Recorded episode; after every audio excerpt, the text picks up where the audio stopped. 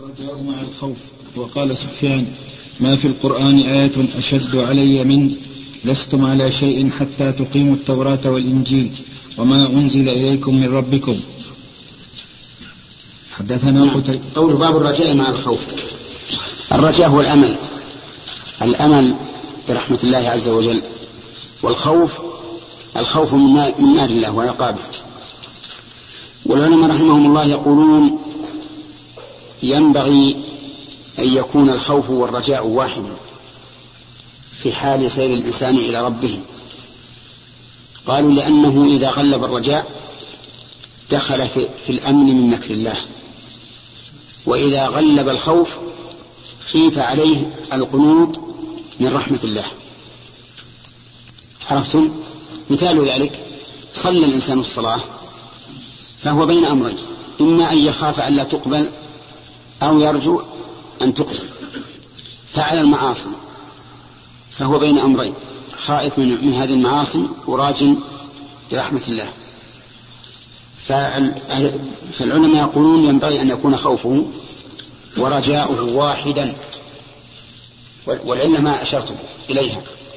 إن غلب الخوف خيف عليه القنوط. وإن غلب الرجاء خيف عليه الأمن. والعامة حسب حسب دفعهم للوم يغلبون. الرجاء إذا قيل له ليش تفعل هذا؟ قال الله غفور رحيم. لكن الله غفور رحيم اعمل أسباب المغفرة والرحمة. نعم. وأهل الغيرة والتمسك يغلبون جانب الخوف فتجدهم يخافون على الإنسان وربما يقنطون من رحمة الله أن يهديه إلى الحق. وقال بعض العلماء بل ينبغي أن يغلب الرجاء لأن الله تعالى قال في الحديث القدسي أنا عند ظن عبدي بي وأنا معه إذا ذكرني. فإذا كان الله عند ظنه بك عند ظنك به فضل به خيرا وغلب جانب الرجاء. قالوا ويدل لهذا أن الله قال لنبيه صلى الله عليه وسلم نبئ عبادي أني أنا الغفور الرحيم وأن عذابي هو العذاب الأليم. فبدأ بالرجاء ثم ثنى بالتخويف. وقال بعض العلماء ينبغي له في جانب الطاعة أن يغلب جانب الرجاء. وفي جانب المعصية إذا هم بها أن يغلب جانب الخوف. لأنه إذا فعل الطاعة ينبغي أن يغلب الرجاء أن الله يتقبل منه. وإذا هم بالمعصية ينبغي أن يغلب جانب الخوف من أجل أن إيش؟ يبتعد عنها ولا يفعلها. لا يغلب جانب الرجاء حينئذ لأنه غلب جانب الرجاء أقدم. فهذه ثلاث أقوال. القول الثالث الرابع أنه ينبغي في حال المرض أن يغلب جانب الرجاء. وفي حال الصحة أن يغلب جانب الخوف. لأن لأنه جاء في الحديث لا يموتن أحدكم إلا وهو يحسن الظن بالله. والإنسان المريض أقرب إلى الموت من الإنسان الصحيح وإن كانت الآجال بيد الله عز وجل. لكن هذا هو الغالب. فهذه أربعة أقوال. والذي ينبغي أن يكون الإنسان طبيب نفسه إن رأى من نفسه جنوحا إلى الشر فليغلب جانب الخوف. وإن رأى نفسه قوة على الطاعة وترك المعاصي فليغلب جانب الرجاء. أن الله سبحانه وتعالى يثبته ويثيبه على عمله. أما الإمام أحمد رحمه الله فقال إن الخوف والرجاء كجناحي الطائر. إن انخفض أحدهما سقط الطائر. وإن تساويا استمسك الطائر. فينبغي أن يكون خوفه ورجاؤه واحدا فأيهما غلب على الآخر هلك صاحبه. نعم. ما ما أخذنا حديث سليم. والإخوان مشكلة عيونهم حارة. نعم. حدثنا قتيبة بن سعيد قال حدثنا يعقوب بن عبد طيب الرحمن. يقول سفيان رحمه الله وأظنه سفيان الثوري. نعم. أو بن عيينة ما في القرآن آية هو الغالب إن أنه إذا أطلق سفيان في باب الفقه والأحكام فهو سفيان الثوري. في باب الزهد والورع والرفائق سفيان بن عيينة لأن الثاني يميل إلى العبادة أكثر. قال سفيان ما في القرآن آية أشد أشد ما في القرآن آية أشد علي من لستم على شيء حتى تقيموا التوراة والإنجيل وما أنزل إليكم من ربكم. الخطاب هنا لبني إسرائيل. ولأهل الكتاب لستم على شيء حتى تقيموا التوراة والإنجيل. فيقول رحمه الله إن ما خاطب الله به بني إسرائيل خطاب لنا. فكأنه يقول إذا نحن لسنا على شيء حتى نقيم الكتاب والسنة وما أنزل إليه وإقامتهما صعبة. صعبة. من الذي يستطيع أن يقيم القرآن والسنة في كل أمر وفي كل نهي وفي كل خبر؟ بحيث يفعل كل مأمور ويدع كل منهي ويصدق تصديقا لا شك معه في كل خبر. هذا من أصعب ما يكون. وهذا هو إقامة الكتاب المنزل أو السنة. التي جاء بها النبي عليه الصلاة والسلام. هذا هو معنى الإقامة. امتثال الأحكام فعل للمأمور وترك المنهي وتصديق الأخبار تصديقا لا مرية فيه ولا شك. وهذه شديدة شديدة جدا على الإنسان. نعم. حدثنا قتيبة بن سعيد قال حدثنا يعقوب بن عبد الرحمن عن عمرو بن أبي عمرو عن سعيد بن أبي سعيد المقبوري عن أبي هريرة رضي الله عنه قال سمعت رسول الله صلى الله عليه وسلم يقول إن الله خلق الرحمة يوم خلقها مئة رحمة فأمسك عنده تسعا وتسعين رحمة وأرسل في خلقه كلهم رحمة واحدة. فلو يعلم الكافر بكل الذي عند الله من الرحمة لم ييأس من الجنة. ولم يأل ولو يعلم المسلم بكل الذي عند الله من العذاب لم يأمن من النار. ولو. ولو يعلم المسلم. لا مؤمن. مسلم. شوفوا نبه عليه بالشر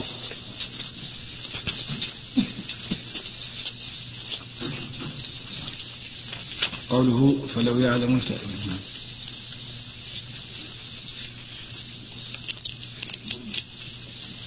شرح شرح إيه. أجل صح ولا متن إي نعم ما دام الشرع المؤمن وعندنا بالمؤمن نعم ها؟ كيف المسلمون؟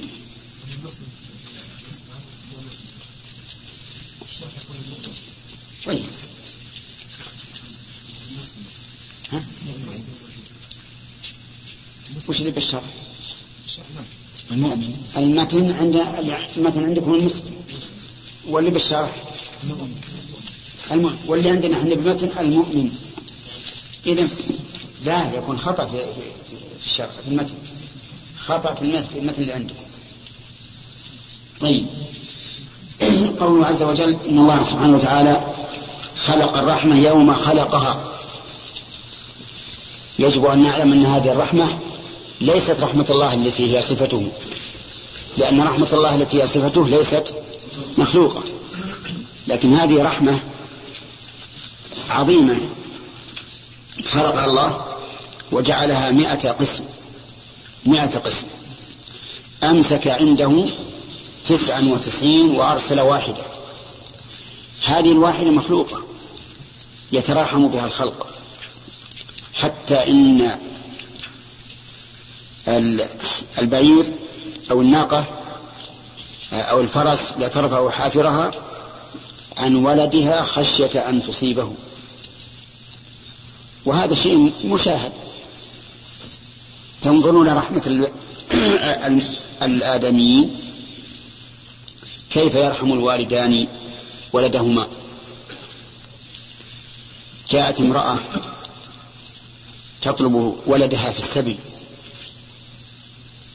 فلما رأته أخذته وضمته على صدرها بشدة وشوق. فقال النبي عليه الصلاة والسلام أترون أن هذه المرأة تقذف ولدها في النار؟ قالوا لا يا رسول الله. كيف؟ تقذفه في النار وهي تطلبه هذا الطلب الشديد وتضمه هذا الضم الشديد لما وجدته.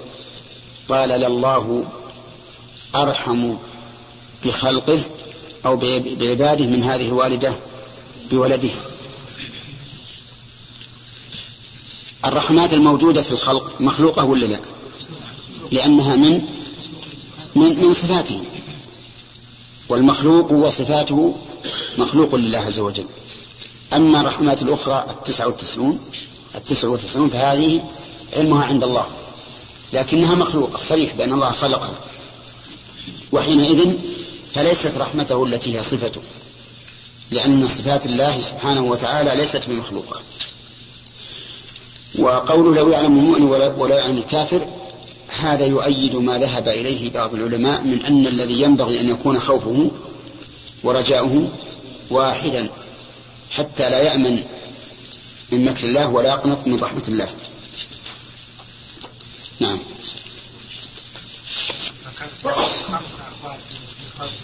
نعم. القول الأرجح أن الإنسان طبيب نفسه. إذا رأى أن رجاءه يؤدي به إلى الأمن من مكر الله وإضاعة أوامر الله اعتمادا على ما يؤمله ويرجوه فليغلب الخوف. وإن رأى العكس فليغلب الرجاء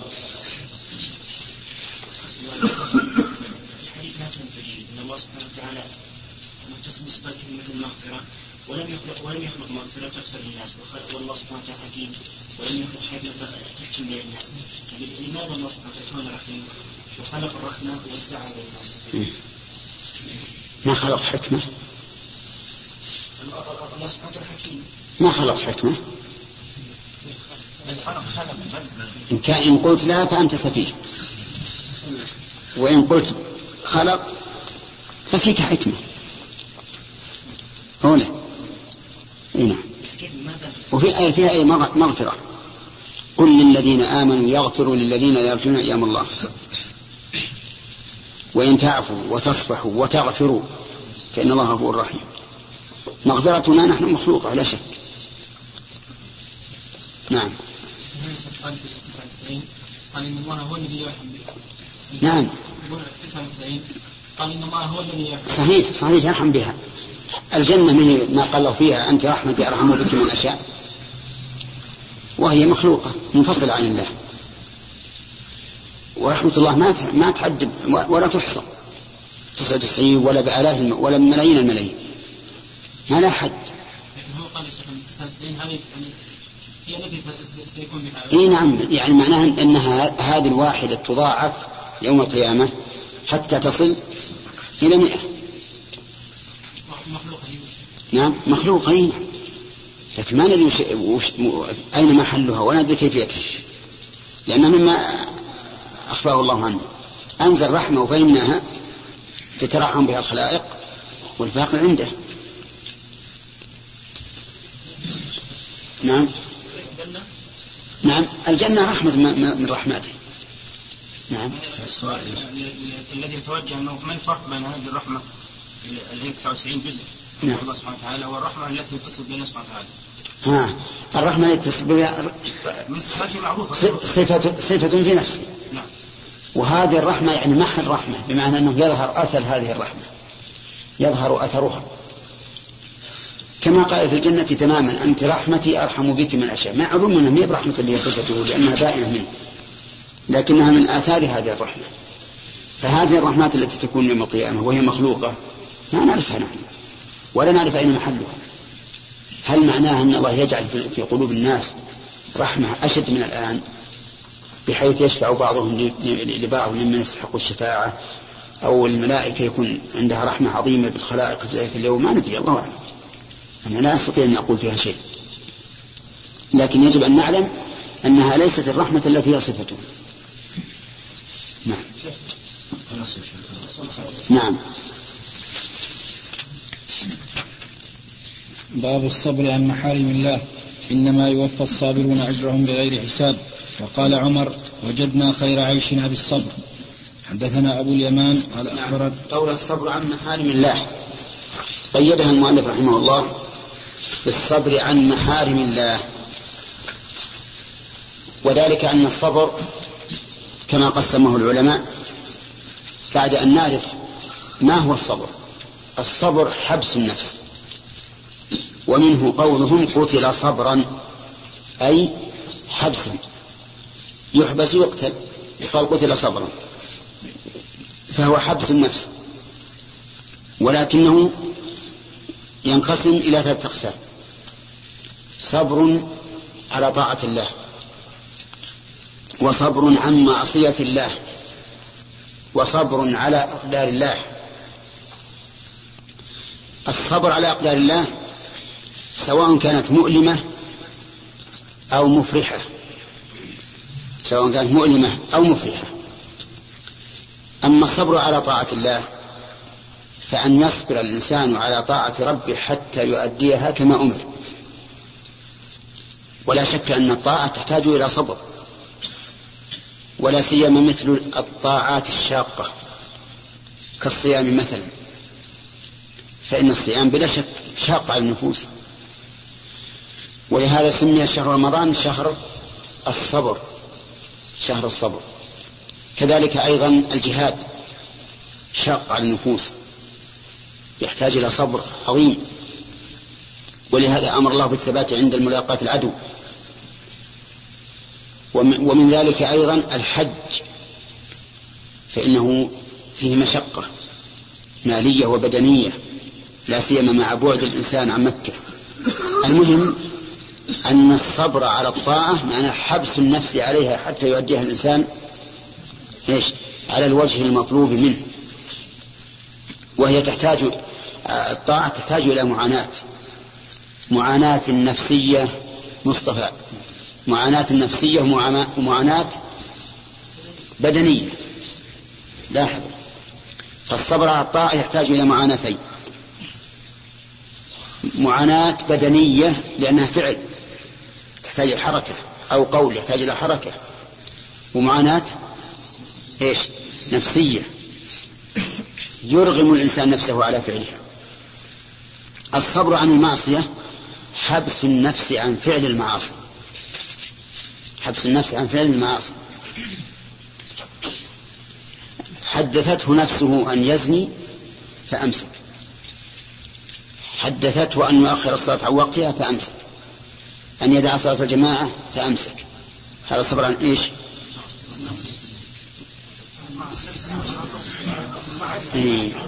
طيب انتبهوا. حدثته نفسه أن يزني فأمسك. عن المعصية. طيب أن يدع الجماعة فأمسك. هذا فيه نظر. لأن هذا من باب الصبر على فعل الطاعة. طيب أن يسرق فأمسك. عن معصية أن يشرب الخمر فأمسك طيب. هذا فيه معاناة. لكنها معاناة نفسية. لأنه لم يفعل ولم يقل. بل كف نفسه. والكف ليس فيه إلا معاناة واحدة فقط. وهي المعاناة النفسية. ولهذا قال العلماء إن الصبر على الطاعة أفضل من الصبر عن المعصية. الصبر على الطاعة أفضل من الصبر عن المعصية ليش؟ لأن في الصبر على الطاعة خالد لأن في الصبر على الطاعة كلها مشقة حتى المعصية الإنسان الشاب اللي يصبر عن الزنا يجد مشقة ها؟ الظاهر إنك ما أنت معنا يعني. إيه معنا بالجسم بندر. لأن في الصبر على الطاعة معاناه نفسيه ومعاناه بدنيه صح. عرفت؟ الصبر على الطاعة في معاناة نفسية بدنية تعاني من نفسك حتى تلزمها بفعل الطاعة وتتعب. فيها تعب. الصبر عن المعصية ما فيها إلا معاناة نفسية لأن ما فيها إلا ترك. اترك بس وأنت مستريح. ولهذا كان الصبر على الطاعة أفضل من الصبر عن المعصية. طيب. الصبر على الأقدار. المعروف أنهم يقولون الصبر على أقدار الله المؤلمة. والحقيقة أنه ينبغي أن يقال المؤلمة والملائمة. المؤلمة والملائمة. لأن الأقدار المؤلمة كالمرض والفقر وموت القريب وما أشبه ذلك لا شك أنها تحتاج إلى معاناة إلى صبر. لكن حتى الملائمة تحتاج إلى صبر. لكنه من نوع الصبر على الطاعة. تحتاج إلى صبر وهو أن الحقيقة أن يمنع نفسه عن الأشر والبطر. وهي من هذا الوجه. تلحق بالصبر عن المعصية. وعلى شكرها. وهي من هذا الوجه تلحق بالصبر على الطاعة. وهذا هو وجه كون العلماء رحمهم الله ذكروا الصبر على الأقدار المؤلمة فقيدوها بالمؤلمة. لأن الصبر على الملائمة الملائمة إن كان كبح النفس عن الأشر والبطر فهو من الصبر عن المعصية. وإن كان حمل النفس على الشكر فهو من الصبر على الطاعة. ولذلك نرجح الآن أن نبقى على قيد أهل العلم. فنقول الصبر على الأقدار إيش؟ المؤلمة. أما الملائمة فلا شك أنها, أنها تحتاج إلى صبر. بل قد قال سليمان هذا من فضل ربي ليبلوني. أشكر أم أكفر؟ طيب. أيهما, أيهما أفضل الصبر على الأقدار المؤلمة أو عن معصية الله أو على طاعة الله؟ نقول الصبر على طاعة الله أفضل. ثم الصبر عن معصية الله. ثم الصبر على أقدار الله. لاحظوا يا جماعة لماذا صار هذا في المرتبة الأخيرة؟ لأن هذا صبر على شيء ليس من فعلك. كبح النفس عن المحرم من فعلك. لكن القدر المؤلم المصيبة التي أصابتك هل هي من فعلك؟ لا. ولهذا كان الصبر عليها أقل مرتبة من الصبر عن معصية الله وعلى طاعة الله. وهذا من حيث الجنس. انتبهوا. هذا من حيث الجنس. لكن قد يكون أو قد يحصل للإنسان من المعاناة النفسية في الصبر عن المعصية أكثر مما يحصل في الصبر على الطاعة. فمثلا يسهل على الإنسان أن يقوم فيصلي ركعتين. وهذا صبر على الطاعة. لكن يصعب على شاب شديد الشهوة أن يصبر عن الزنا أو ما دونه من المحرم من التمتع المحرم. يعني يكون هذا أصعب عليه وأشق. يصعب على الإنسان الفقير أن أن يمتنع عن أخذ مال الغير الذي يسهل عليه أخذه. أشد مما يصعب على شخص قام فصلى ركعتين. لكن التفضيل الذي قلت تفضيل الجنس على الجنس. أما الفرد على الفرد فقد يكون فضل الصبر عن المعصية أكثر من الصبر من فضل الصبر على الطاعة أو الصبر على الأقدار المؤلمة أشد من الصبر على عن المعصية أو على فعل الطاعة. واضح يا جماعة؟ وهذا النوع من التفضيل يشكل على كثير من الطلبة يعني التفضيل يعني يشكل على كثير من الطلبة أن يفرق بين التفضيل الجنسي اللي يفضل فيه الجنس على الجنس وبين التفضيل الفردي الذي يفضل فيه الفرد على الفرد. فمثلا نحن نقول الصحابة أفضل من التابعين والتابعون أفضل من تابع التابعين. كما قال رسول الله صلى الله عليه وسلم خير, خير الناس قرني ثم الذين يلونهم ثم الذين يلونهم. لكن يوجد في تابع التابعين من هو أفضل من ها؟ من التابعين.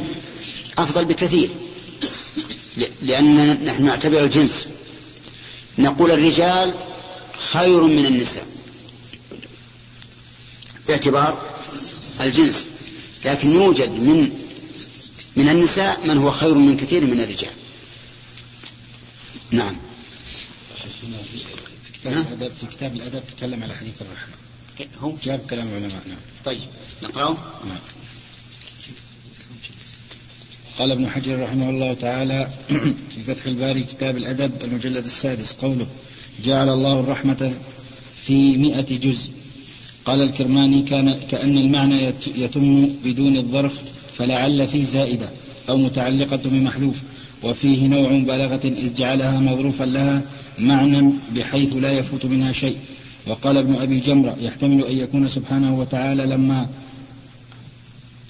لما من على خلقه. عندي بتاع نعم يا شيخ. في الأصل خلق. الشيخ هذا رواية رواية ثانية؟ هذا الباب. سنجاب الحديث باب باب جعل الله الرحمة في مئة جزء. هذا تبويب البخاري في كتاب الأدب. آه. في كتاب الأدب. غير نعم. غير مكان فيه نعم ثم الحديث ذكره. نعم. هو الحديث لفظه في الأدب. قال البخاري رحمه الله تعالى حدثنا الحكم بن نافع البهراني قال أخبرنا شعيب عن الزهري قال أخبرنا سعيد بن المسيب أن أبا هريرة قال سمعت رسول الله صلى الله عليه وسلم يقول جعل الله الرحمة في مئة جزء فأمسك عنده تسعة وتسعين جزءا وأنزل في الأرض جزءا واحدا فمن ذلك الجزء فتراحم الخلق حتى ترفع الفرس حافرها عن ولدها خشية أن تصيبه. وقال ابن أبي جمرة يحتمل أن يكون سبحانه وتعالى لما من على خلقه بالرحمة جعلها في مئة وعاء. وتعالى لما من على خلقه بالرحمة جعلها في مئة وعاء فأهبط منها واحدا للأرض. قلت خلت أكثر الطرق عن الظرف كرواية سعيد المقبوري قلت خلت أكثر الطرق خلق. خلت. خلت. خلأ. خلت. نعم. بالتاء. نعم. خلت أكثر الطرق عن الظرف كرواية سعيد إيه، المقبوري عن أبي هريرة. نعم. كرواية سعيد المقبوري عن أبي هريرة الآتية في الرقاق. إن الله خلق الرحمة يوم خلقها مئة رحمة. ولمسلم من رواية عطاء عن أبي هريرة إن لله مئة رحمة. وله من حديث سلمان إن الله خلق مئة رحمة يوم خلق السماوات والأرض كل رحمة طباق ما بين السماء والأرض. وقال القرطبي يجوز أن يكون معنى خلق اخترع وأوجد ويجوز أن يكون بمعنى قدر وقد ورد خلق بمعنى قدر في لغة العرب. خلق. وقد ورد خلق بمعنى قدر في لغة العرب فيكون المعنى أن الله أظهر تقديره لذلك يوم أظهر تقدير السماوات والأرض. وقوله كل رحمة تسع طباق الأرض المراد بها التعظيم والتكثير. وقد ورد التعظيم بهذا اللفظ في اللغة والشرع كثيرا. قوله فأمسك عنده تسعة وتسعين جزءا. في رواية عطاء وأخر عنده تسعة وتسعين رحمة. وفي رواية العلاء بن عبد الرحمن عن أبيه عن أبي هريرة عند مسلم وخبأ عنده مئة إلا واحدة. قوله وأنزل في الأرض جزءا واحدا. وفي رواية ابن مقبوري وأرسل في خلقه كلهم رحمة. وفي رواية عطاء أنزل منها رحمة واحدة بين الجن والإنس والبهائم. وفي حديث سلمان فجعل منها في الأرض واحدة. قال القرطبي هذا نص في أن الرحمة يراد بها متعلق الإرادة لا نفس الإرادة. وأنها راجعة إلى المنافع والنعم. قوله فمن ذلك الجزء تتراحم الخلق حتى ترفع الفرس حافرها عن ولدها خشية أن تصيبه. في رواية عطاء فيها يتعاطفون وبها يتراحمون وبها تعطف الوحش على ولدها. وفي حديث سلمان فبها تعطف الوالدة على ولدها والوحش والطير بعضها على بعض. قال ابن أبي جمرة خص الفرس للذكر لأنها أشد الحيوان المألوف الذي يعاين المخاطبون حركته مع ولده ولما في الفرس من الخفة والسرعة في التنقل ومع ذلك تتجنب أن يصل الضرر منها إلى ولدها. ووقع في حديث سلمان عند مسلم في آخره من الزيادة فإذا كان يوم القيامة أكملها بهذه الرحمة مئة. وفيه إشارة إلى أن الرحمة التي في الدنيا بين الخلق تكون فيهم يوم القيامة يترحمون بها أيضا. وصرح بذلك المهلف فقال الرحمة التي خلقها الله لعباده وجعلها في نفوسهم في الدنيا هي التي يتغافرون بها يوم القيامة التبعات بينهم. قال ويجوز أن يستعمل ويجوز أن يستعمل الله تلك الرحمة فيهم فيرحمهم بها سوى رحمته التي وسعت كل شيء وهي التي من صفة وهي التي من صفة ذاته. ولم يزل موصوفا بها فهي التي يرحمهم بها زائدا على الرحمة التي خلقها لهم. قال ويجوز أن تكون الرحمة التي أمسكها عند نفسه. هي التي عند ملائكته المستغفرين لمن في الأرض. لأن استغفارهم لهم دال على أن في نفوسهم الرحمة لأهل الأرض. قلت وحاصل كلامه أن الرحمة رحمتان. رحمة من صفة الذات وهي لا تتعدد ورحمة من صفة الفعل وهي المشار إليها هنا. ولكن ليس في شيء من طرق الحديث أن التي عند الله رحمة واحدة بل اتفقت جميع الطرق على أن عند على أن عنده تسعة وتسعين رحمة. وزاد في حديث سلمان أنه يكملها يوم القيامة مئة بالرحمة التي في الدنيا فتعدد الرحمة بالنسبة للخلق. وقال القرطبي مقتضى هذا الحديث أن الله علم أن أنواع النعم التي ينعم بها على خلقه مئة نوع. ينعم. بها أن أنواع النعم التي ينعم, ينعم. التي ينعم بها على خلقه مئة نوع. فأنعم عليهم في هذه الدنيا بنوع واحد انتظمت به مصالحهم وحصلت به مرافقهم. فإذا كان يوم القيامة كمل لعباده المؤمنين ما بقي. فبلغت مئة وكلها للمؤمنين. وإليه الإشارة بقوله وكان بالمؤمنين رحيما. فإن رحيما من أبنية المبالغة التي لا شيء فوقها. ويفهم من هذا أن الكفار لا يبقى لهم حظ من الرحمة لا من جنس رحمات الدنيا ولا من غيرها. إذا كمل كل ما كان في علم الله من الرحمات المؤمنين. وإليه الإشارة بقوله, بقوله تعالى فسأكتبها للذين يتقون الآية. وقال الكرماني الرحمة هنا. عبارة عن القدرة المتعلقة بإيصال الخير والقدرة في نفسها غير متناهية والتعلق غير متناه. لكن حصره في مئة على سبيل التمثيل تسهيلا للفهم وتقليلا لما عند الخلق وتكثيرا لما عند الله سبحانه وتعالى. وأما مناسبة هذا العدد الخاص فحكى القرطبي عن بعض الشراح أن هذا العدد الخاص أطلق لإرادة التكثير والمبالغة فيه وتعقبه بأنه لم تجري عادة العرب. بذلك في المئة وإنما جرى في السبعين. كذا قال. وقال ابن أبي جمرة ثبت أن نار الآخرة تفضل نار الدنيا بتسع وستين جزء جزءا. فإذا قوبل كل جزء برحمة زادت الرحمات ثلاثين جزء جزءا. فيؤخذ منه أن الرحمة في الآخرة أكثر من النقمة فيها ويؤيده قوله غلبت رحمتي غضبي. قلت لكن تبقى مناسبة خصوص هذا العدد فيحتمل أن تكون مناسبة هذا العدد الخاص لكونه مثل عدد درج الجنة والجنة هي محل الرحمة فكان كل فكان كل رحمة بإزاء فكأن فكأن همزة نعم. فكأن كل رحمة بإزاء درجة. وقد ثبت أنه لا يدخل أحد الجنة إلا برحمة الله تعالى. فمن نالته منها رحمة واحدة كان أدنى أهل الجنة. منزلا وأعلاهم منزلة من حصلت له جميع الأنواع من الرحمة. وقال ابن أبي جمرة في الحديث إدخال السرور على المؤمنين. باقي سطرين يا شيخ. أقول باقي سطرين. ثلاث. سطرين؟ ثلاث أسطر. كم؟ وقال ابن أبي جمرة في الحديث إدخال السرور على المؤمنين لأن العادة أن النفس يكمل فرحها بما وهب لها إذا كان معلوما مما يكون موعودا وفيه الحث على الإيمان واتساع الرجاء في رحمات الله تعالى المدخرة. قلت وقد وقع في آخر حديث سعيد المقبوري في الرقاق فلو يعلم الكافر بكل ما عند الله من الرحمة لم ييأس من الجنة. وأفرده مسلم من طريق العلاء بن عبد الرحمن عن أبيه عن أبي هريرة ويأتي شرحه هناك إن شاء الله تعالى.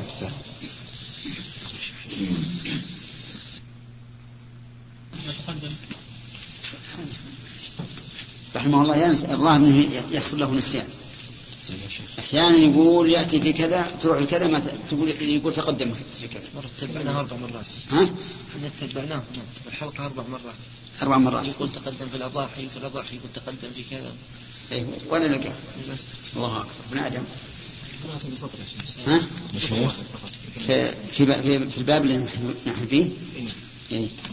وش يقول؟ يا شيخ قول القرطبي إنه هذا أنواع. ها؟ قول القرطبي إنه هذه أنواع. اللي عندنا الآن. يقول اللي في الباب اللي نحن فيه. لا يا شيخ نفس اللي قرينا ما بتوجه أو له حظ. اي وقال القرطبي مقتضى هذا الحديث أن الله علم علم أن أنواع النعم النعم التي ينعم بها على خلقه 100 100 نوع فأنعم عليهم في هذه الدنيا بنوع واحد انتظمت به مصالحهم وحصلت به مرافقهم يعني تفسير تفسير الرحمة بالنعمة فيها نوع لأن الرحمة اللي عند اللي في الخلائق غير النعمة. رحمة يجد الإنسان في قلبه. فنحن نقول هذه الرحمة اللي وسعت الخلائق كلها يوم القيامة تتضاعف إلى مئة. إلى مئة. من الله ومن الملائكة ومن النبيين ومن من يشفع. يعني عندنا ما فيها ما تحتاج إلى إلى كل هذا التعب مسألة واضحة. الرحمة التي في نفوسنا الآن معروفة لنا. ولا لا؟ نعم. معروف ولهذا ضرب النبي عليه الصلاة والسلام مثلا بالفرس ترفع حافرها عن ولدها خشية أن تصيبه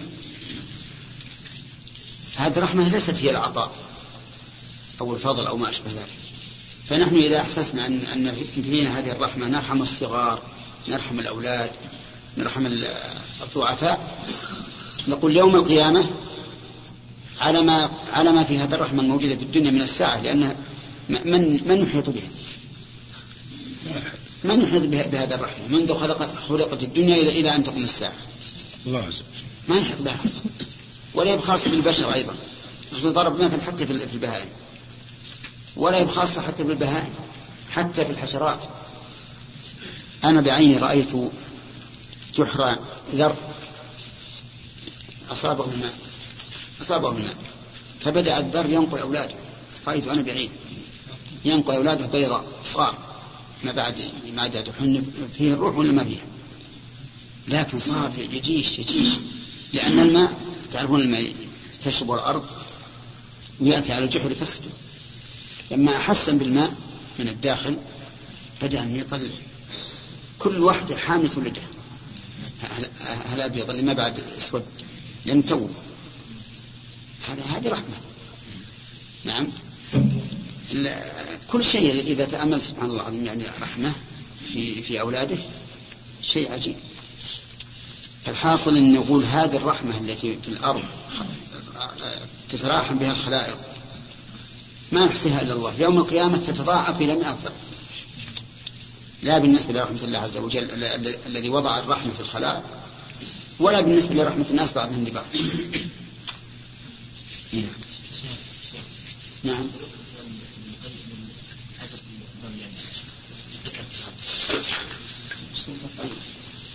نعم يقول ما ذكر إلا شوي.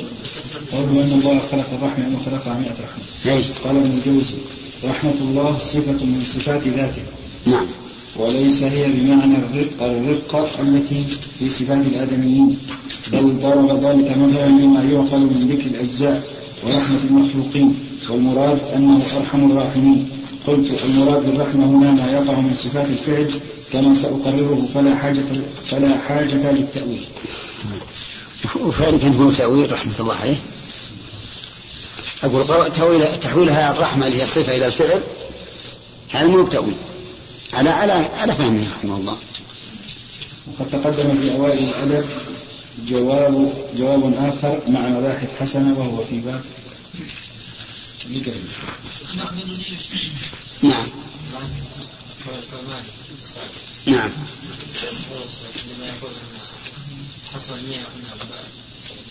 باب التمثيل هو على كل حال قريب لكن ما نقدر نقول باب التمثيل الأصل الأصل أن الكلام على حقيقته لا على سبيل التمثيل طيب نقرأ بالبخاري ما ما جاء قارئ. ها؟ بحوث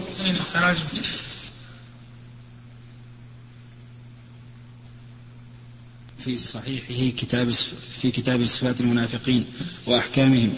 باب لن يدخل أحد الجنة لن يدخل أحد الجنة بعمله. والنسائي في, في الإيمان باب الدين الدين يسر. حدثنا محمد بن عبد الله بن نمير قال حدثنا أبي قال حدثنا الأعمش.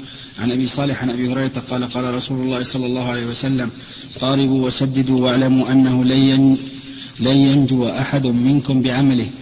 قالوا يا رسول الله ولا أنت؟ قال ولا أنا إلا أن يتغمدني الله برحمته برحمة منه وفضل. الرواية الثانية بس نعم. خلاص. خلاص.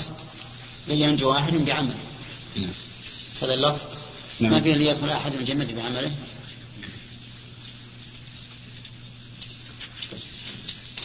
السير يا شيخ. نعم. السير ثابتة حتى على هذه الروايات السير ثابتة بس اختلف المعنى. اختلف المعنى حققها أنت أنت افرغ الاخوان مسألة بسيطة بس يرد على ابن القيم فقط. نعم. يرد على ابن القيم الرجل. من؟ المحشي. في أحد أنت حتى الله خير حق عشان نعرف إن ابن القيم أصح من اصوب من ذلك. ابن القيم يعني يقول الشيخ نعم. باب الصبر. بسم الله الرحمن الرحيم. قال البخاري رحمه الله تعالى باب الصبر عن محارم الله. إنما يوفى الصابرون أجرهم بغير حساب. وقال عمر وجدنا خير عيشنا بالصبر. حدثنا أبو اليمان قال أخبرنا شعيب. سبق الكلام على الصبر وأقسامه. وقوله تعالى إنما يوفى الصابرون أجرهم أي يعطى الصابرون أجرهم بغير حساب يعني أنه ليس كغيره من الأعمال الصالحة الحسنة بعشر أمثالها إلى سبعمائة ضعف بل هذا أجر أكثر من أن يحصر فهو بغير حساب. وقول عمر وجدنا خير عيشنا بالصبر. هذه حكمة بالغة. أن الإنسان إذا صبر فإنه يعيش عيشة راضية لأنه لا ينظر إلى من فوقه فيستقل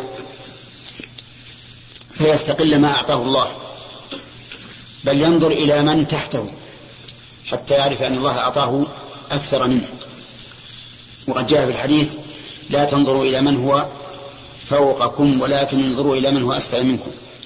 فإنه أجدر ألا تزدروا نعمة الله عليكم يعني ألا تحتقروها. لأن الإنسان لو نظر إلى من هو أعلى منه قال ما عندي شيء. فإذا نظر إلى من دونه عرف قدر نعمة الله. فمثلا إذا كان الإنسان ضعيف البدن لا ينظر إلى قوي البدن. إن نظر إلى قوي البدن استقل ما أعطاه الله. ولكن ينظر إلى من هو أضعف منه. إذا كان قليل ذات اليد ما عنده فلوس. لا ينظر إلى من هو أغنى منه. لأنه لو نظر إلى من هو أغنى منه لاستقل ما أعطاه الله. ولكن ينظر إلى من هو أفقر منه. وهلم جرا حتى في مسائل الدين. لا تنظر إلى من هو أعلى منك. لأنك إذا نظرت إلى من هو أعلى منك احتقرت نعمة الله عليك. ولكن سابق غيرك في دين الله. سابقه حتى تنال ما ينال. فالنظر إلى من هو فوقك في الدين إن كان المرا... إن كنت تريد بنظرك أن تسابقه حتى تصل إلى ما وصل إليه فهذا خير.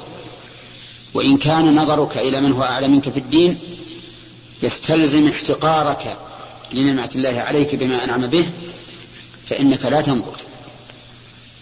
قد ينظر الإنسان مثلا إلى رجل صائم قائم مجاهد باذل عالم معلم فيجد نفسه ليس في هذه في هذه المنزلة فيحتقر نعمة الله عليه بما أنعم عليه من الدين الذي إذا نظر من تحته من الفساق والكفار عرف قدر نعمة الله. فهنا ينظر إلى ينظر إلى من هو فوقه أو من هو دونه. من هو دونه. أما إذا نظر إلى من هو فوقه من أجل أن يرتقي إلى مرتبته ويسابقه فهذا هذا خير. هذا خير. نعم. حدثنا أبو اليمان. قال أخبرنا شعيب عن الزهري. قال أخبرني عطاء بن يزيد أن أبا سعيد أخبره أن ناسا من الأنصار سألوا رسول الله صلى الله عليه وسلم فلم يسأله أحد منهم إلا أعطاه حتى نفد ما عنده. فقال لهم حين نفد كل شيء أنفق بيديه ما يكون عندي من خير لا أدخره عنكم. وإن من يستعفف وإن من يستعف يعفه الله. وإنه وإنه من يستعف يعفه الله ومن يتصبر يصبره الله ومن يستغني يغنيه, يغنيه الله. ولن تعطوا عطاء خيرا وأوسع من الصبر. نعم الشاهد قوله ولن تعطوا عطاء خيرا وأوسع من الصبر. خيرا من الصبر وأوسع منه. وذلك لأن الصابر يتحمل أشياء كثيرة ولا يتأثر منها. ولا يضجر منها. وهذا لا شك أنه خير.